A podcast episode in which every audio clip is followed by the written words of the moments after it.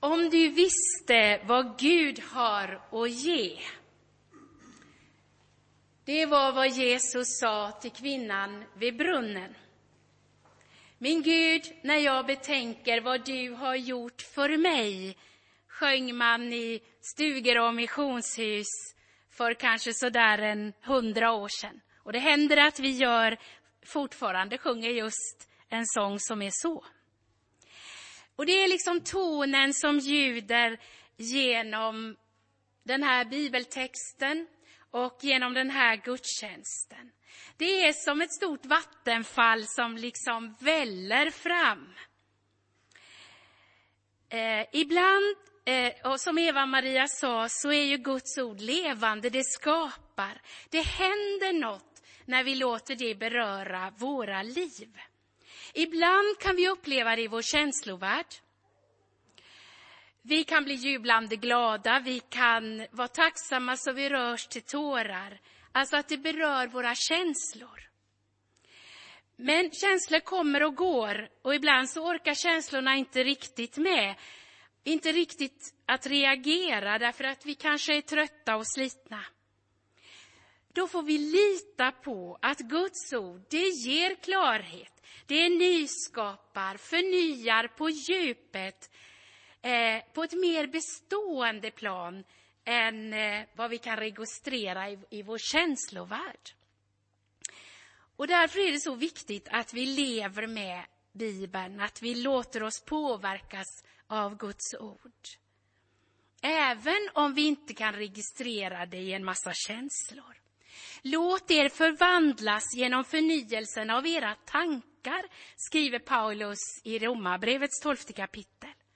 Och ett sätt som våra tankar kan förnyas, det är ju genom bibeltexter, genom Guds ord. Eh, då, eh, här har vi tolv verser i Efesierbrevet 1.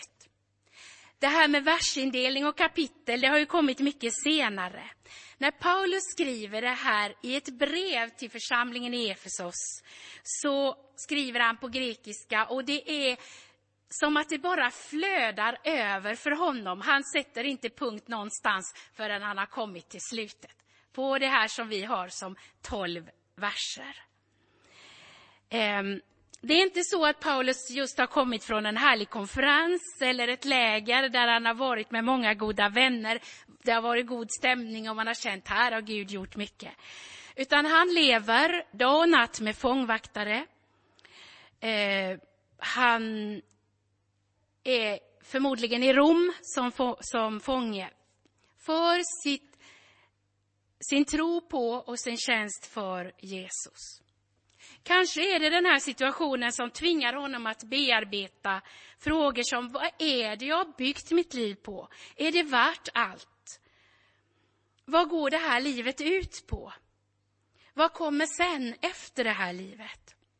De där djupa, viktiga frågorna som vi kanske tränger undan när det mesta rullar på ganska snabbt och det mesta kanske också går oss ganska väl i händer, även om det är ett och annat problem naturligtvis. Men vi gör väl i att lyssna till de levande källsprång som Paulus lever sitt liv i och av och som han vill förmedla till församlingen i Efesos och idag också till oss. Vi får ta emot den här textens budskap i den här gudstjänsten. Så har jag också gjort ett papper som alla som vill kan få efter gudstjänsten. Du kan sätta det på kylskåpet eller någon annan lämplig plats. Jag har delat upp den här för sju dagar i veckan. Du kan följa det här från och med idag till nästa lördag och sen kan man ju börja om om man vill. Och begrunda, meditera, be kring innehållet i den här texten. Jag ska säga också som en slags introduktion att om man tittar på det här så ser man att det är ett uttryck i Kristus, i honom, i den älskade som återkommer gång på gång i den här texten. Jag tror tolv gånger i grundtexten. Det är så centralt i Paulus tänkande att det är i gemenskapen med Jesus som Gud ger oss del i allt. Jesus är på något sätt som den där källan, som den där floden i vars liv vi får gå ner, för att använda dagens bild.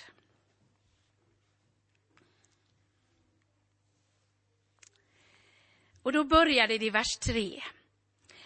Eh, Välsignad är vår Herre Jesu Kristi Gud och Fader. Han har välsignat oss med all den andliga välsignelse som genom Kristus finns i himlen.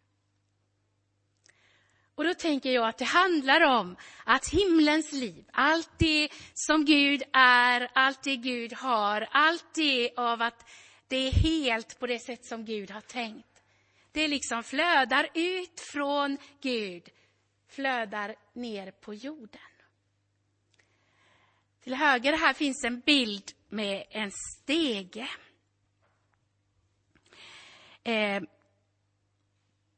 det är så att det finns ju något i oss alla människor som, som får oss att på något sätt vilja sträcka oss uppåt, utåt, nå kontakt med det heliga, med Gud, vad vi nu ger det för ord och namn.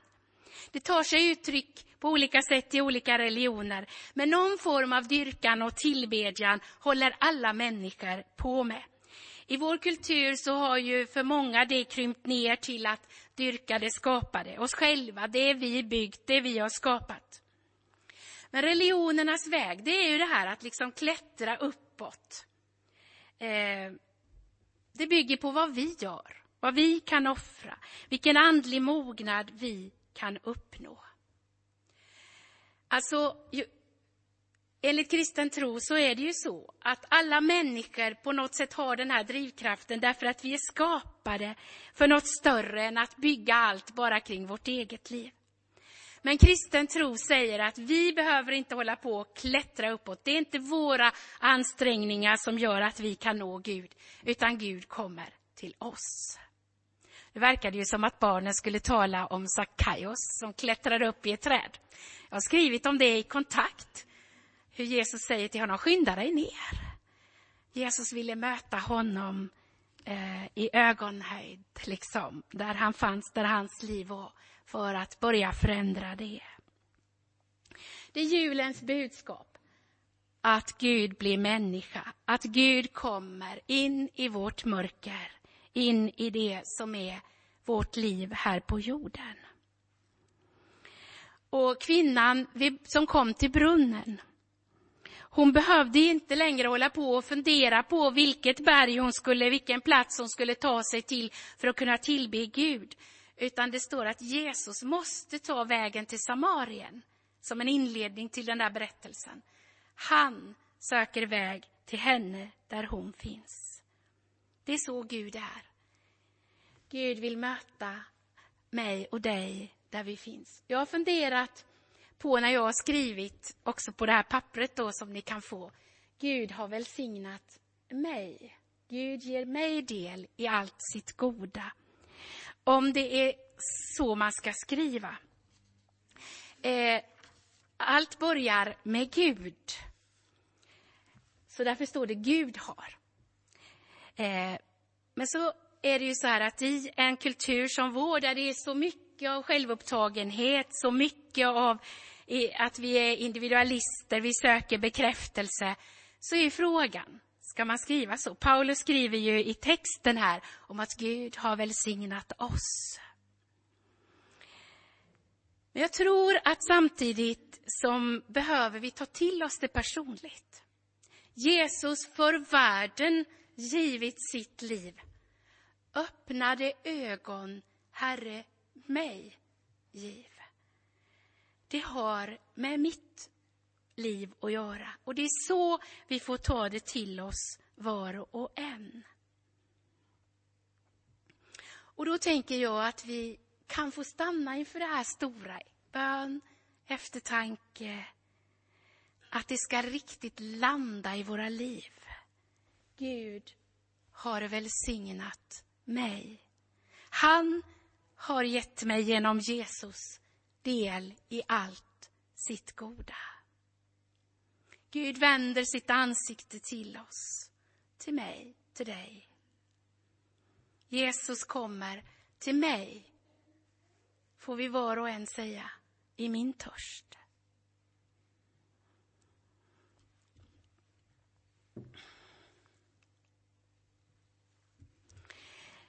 Liksom han före världens skapelse har utvalt oss i honom till att stå heliga och fläckfria inför sig i kärlek. Gud tar och Gud har initiativet. Det tycker jag är så tydligt i hela den här texten. Före världens skapelse, och det innebär ju före vårt liv, med allt vad det rymmer av våra prestationer och våra misslyckanden. Före allt det har Gud valt ut oss. Och det ger ju en trygghet. Det hänger inte så mycket på mig, mer än att jag vill ta emot det. Det är Gud som tar initiativet till gemenskap. Och det fortsätter i nästa del av texten. Han har förutbestämt till oss till att få sönas rätt genom Jesus Kristus och förenas med honom. Det var hans viljas beslut till pris och ära för den nåd som han har skänkt oss med sin älskade son. Jag tänker att det här kan sägas så här. Gud vill ha mig, naturligtvis då oss. Gud vill ha mig i sin familj. Och han har gjort det möjligt genom Jesus. Gud är gemenskap. Det är väldigt centralt i eh, alltså, framställningen av hur Gud är. Och, och kristen tro handlar om relation. Det är inte något opersonligt uppgående i allt som när floden rinner ut i havet som man tänker i till exempel hinduism. Utan i den kristna tron så är det bilden av en familj som är samlade vid matbordet med ansikten vända till varandra som är bilden av gemenskapen i och hos Gud. Gud har inte skapat oss för att han kände sig ensam.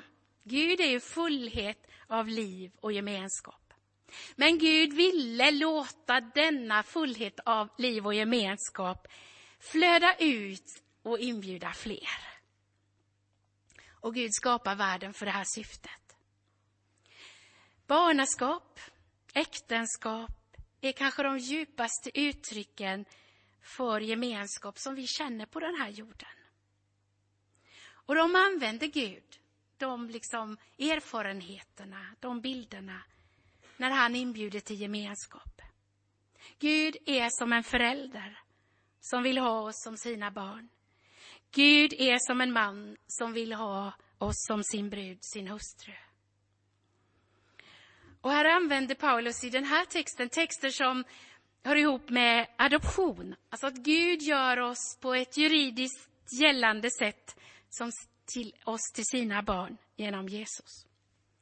I Johannes evangeliets första kapitel så läser vi åt alla dem som tog emot honom, alltså Jesus, gav Gud rätten att bli Guds barn. Och I det sammanhanget så använder Johannes, och det gör Paulus också, ofta bilden av en ny födelse. Att få bli födda på nytt, få del av liv från Gud. Det är så trons liv, det kristna livet börjar. Alla människor är skapade av Gud och hör i den meningen ihop med Gud. Men som jag läser och förstår Bibeln så är inte alla Guds barn i den här meningen. Utan det är möjligt i tro, i mottagandet av Jesus. Av det nya födelsens under som han kan göra möjligt i våra liv. Att vi får bli Guds barn. Och när det står i den här bibelöversättningen att få söners rätt så är det ju för att i den här kulturen som Paulus skriver in i så var det sönerna som hade, var myndiga och hade den fulla arvsrätten.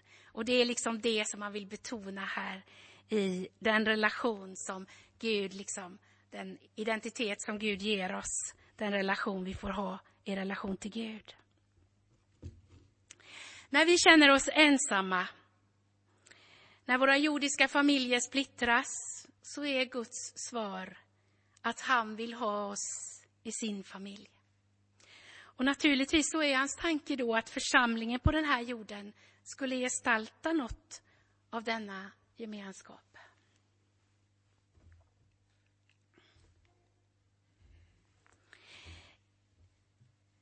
I honom och genom hans blod har vi friköpts och fått förlåtelse för våra överträdelser. Gud har genom Jesus förlåtit mig och satt mig fri. Egentligen kunde det ju räcka att ha det som text och sitta tysta här en kvart och fundera över vad det innebär. Och tidigare så stod det också då att genom Jesus kan jag stå helig och fläckfri inför Gud. Och då tänkte jag på en sång som jag tycker mycket om. Du kanske har andra sånger som du tänker på ihop med det här. Men jag tänker på en sång där det en strof är det enda jag vet. Det är att nåden räcker. Att Kristi blod, min synd, min skuld nu täcker. Bibeln säger att den här världen har tappat liksom glansen därför att Guds härlighet inte får lysa fram fullt ut här. Våra liv har tappat glansen. Vi släpper inte igenom Guds kärlek, Guds sanning, Guds ljus. Vi gör varandra illa, vi tänjer på sanningen eller rent av bedrar. Vi gör mörker av olika slag utrymme. Vi vill ha strålkastarljus på oss själva istället för att bidra till att allt ljus liksom är på Gud, Guds ära. Allt det här förminskar våra liv, vårt eget och andras, föröder skapelsen. Det är det som Bibeln kallar för synd. Synden gör att Guds härlighet går förlorad. Gör att vi inte frimodigt kan komma riktigt nära en helig Gud. Och det är den djupa anledningen till att Jesus kommer till oss. Han kommer för att bära vår synd. All den skuld den medför och dör med den på ett kors. Det är ju för stort för vår tanke att bottna i. Jag tycker om berättelsen i samband med att Jesus ger upp andan på korset och säger det är fullbordat. Så berättas det om att då brister det stora tunga draperiet som hängde till ingången till det allra heligaste i templet. Det som på något sätt här på jorden var himlen, där Gud, en närvarande Gud tronar. Det brister uppifrån och ner. Det är Gud som liksom river upp en öppning och säger i den handlingen Välkommen in i min gemenskap, nära mig. Vi får klä oss i det hela liv som Jesus har, i hans renhet.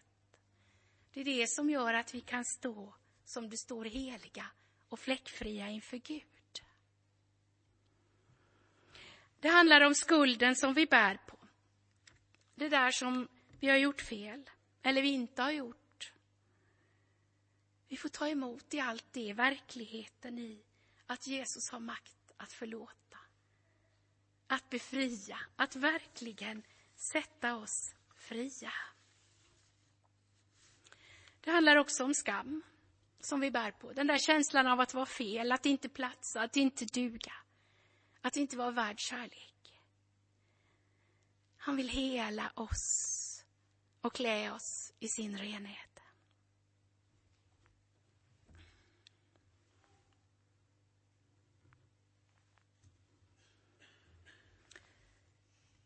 Så rik är den nåd med vilken Gud har låtit all vishet och klokhet flöda över oss.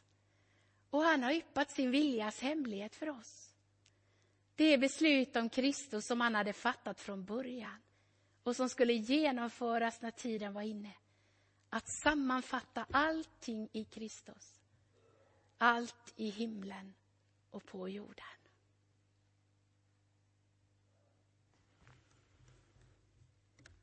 Gud vill ge mig insikt, vishet och insikt.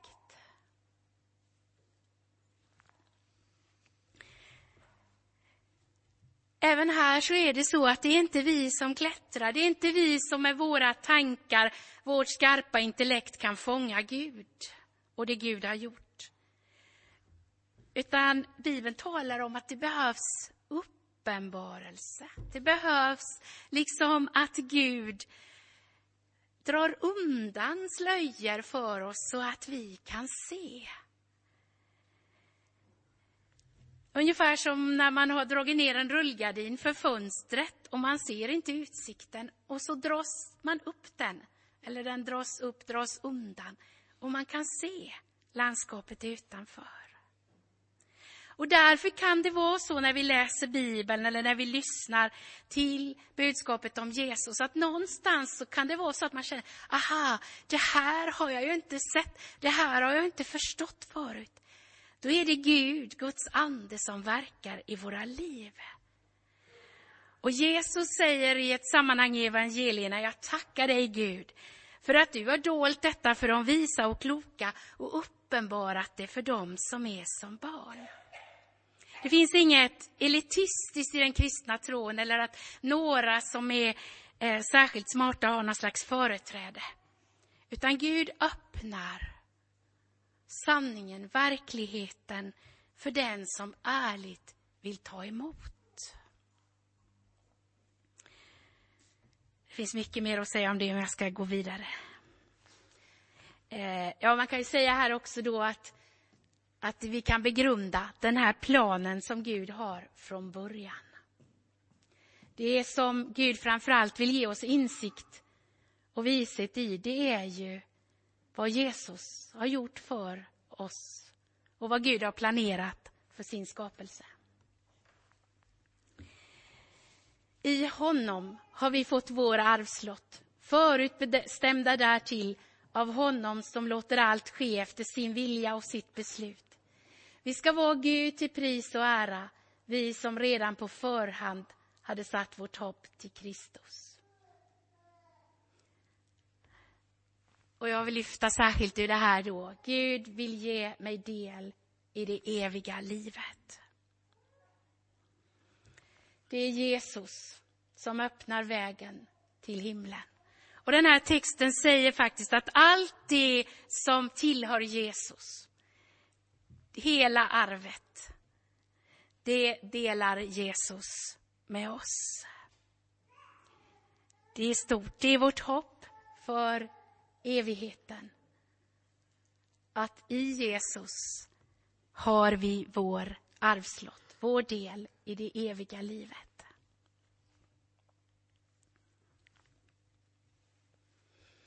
I honom har också ni, sedan ni har hört det sanna evangeliet om er frälsning.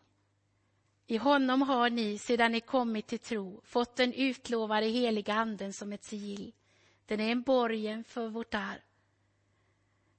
Att Guds folk ska bli friköpt och Gud få pris och ära. Gud ger oss i Jesus den heliga anden. Och det är ju också en hel värld. Jag skulle kunna hålla många predikningar utifrån det här. Men här finns några uttryck som Paulus använder. Han säger att Guds ande är som ett sigill. Och jag hittade ett exempel på ett sigill. En stämpel som man kan använda, som man använde mycket på Paulus tid här. Och signerade liksom, satte sitt namn under på det sättet. Det kan man ju tänka då att den heliga Ande är liksom som Guds märke, Guds stämpel på oss. Du tillhör mig. Du ska inte ha några andra gudar. Du tillhör mig. Anden vittnar tillsammans med vår ande att vi är Guds barn, skriver Paulus i Romarbrevets åttonde kapitel. Alltså, det är Gud som också vill på något tydligt tydliggöra för oss, det är sant, du tillhör mig. Men Gud vill också genom sin närvaro hos oss, i oss, genom helig ande på något sätt ge oss rätt att använda Guds sigill. Att vi får tala, vi får handla i hans namn, liksom där han sätter sin underskrift under. Det är ett stort bemyndigande, det är ett stort ansvar. Och makt kan alltid missbrukas. Vi får be om och ta emot den heliga Ande som vår hjälpare. Det står också i den här texten om att den heliga Ande är liksom som en garanti. Som en pant. Som en försmak. Att det får vi nu. Det som smakar liksom Guds rike. Och fullheten ska vi få del av en gång. En handpenning. Resten kommer sen, i det eviga livet. Eller som en förlovningsring. Eller som jag tänkte, de där blommorna som blommar redan i snön ger oss en aning om en sommar som kommer. Därför ger oss Gud sin heliga Ande. Och så slutar den här texten när Paulus kommer till punkt i den här meningen. Gud får pris och ära. Det är det som alltihop handlar om. Att Gud ska få pris och ära. Det börjar och det slutar med Gud. Lovprisning är så mycket mer än att stå med lyfta händer. Det kan ju vara en, en gest som liksom påminner oss om vi tar emot allt från Gud med öppna händer. Och vi på något sätt vill ge Gud allt det vi är och har. Men det måste ju sen gestaltas i ett liv i vardagen. Där vi lever på ett sätt som gläder Gud, som stämmer med vad Gud har avsett oss att vara. Och det är den djupaste meningen, bestämmelsen med våra liv. Det som också återger vårt liv dess verkliga glans. När självupptagenheten släpper greppet därför att vi är upptagna av Gud. Då får vi se på hur Jesus levde sitt liv på den här jorden till Guds ära. Han säger, innan han går till, innan han lämnar det jordiska livet så säger han, Fader, jag har förhärligat dig här på jorden genom att fullborda det verk du har gett mig att utföra. Alltså kopplingen mellan att förhärliga Gud, att ära Gud och att fullgöra det Gud har gett oss att utföra. Vi har inte samma verk att utföra som Jesus, det kunde bara han göra. Men det finns också en kallelse, en mening över våra liv. Och att leva i enlighet med den, att söka den, vad Gud har tänkt med oss. Det är vårt sätt att ära Gud. Och det är bara därför att Gud tar initiativet. Gör det möjligt som vi läser om i den här texten. Som det också är möjligt att vi kan få komma in i det liv där vi kan få vara med och tillsammans med hela Guds skapelse ära Gud. Amen.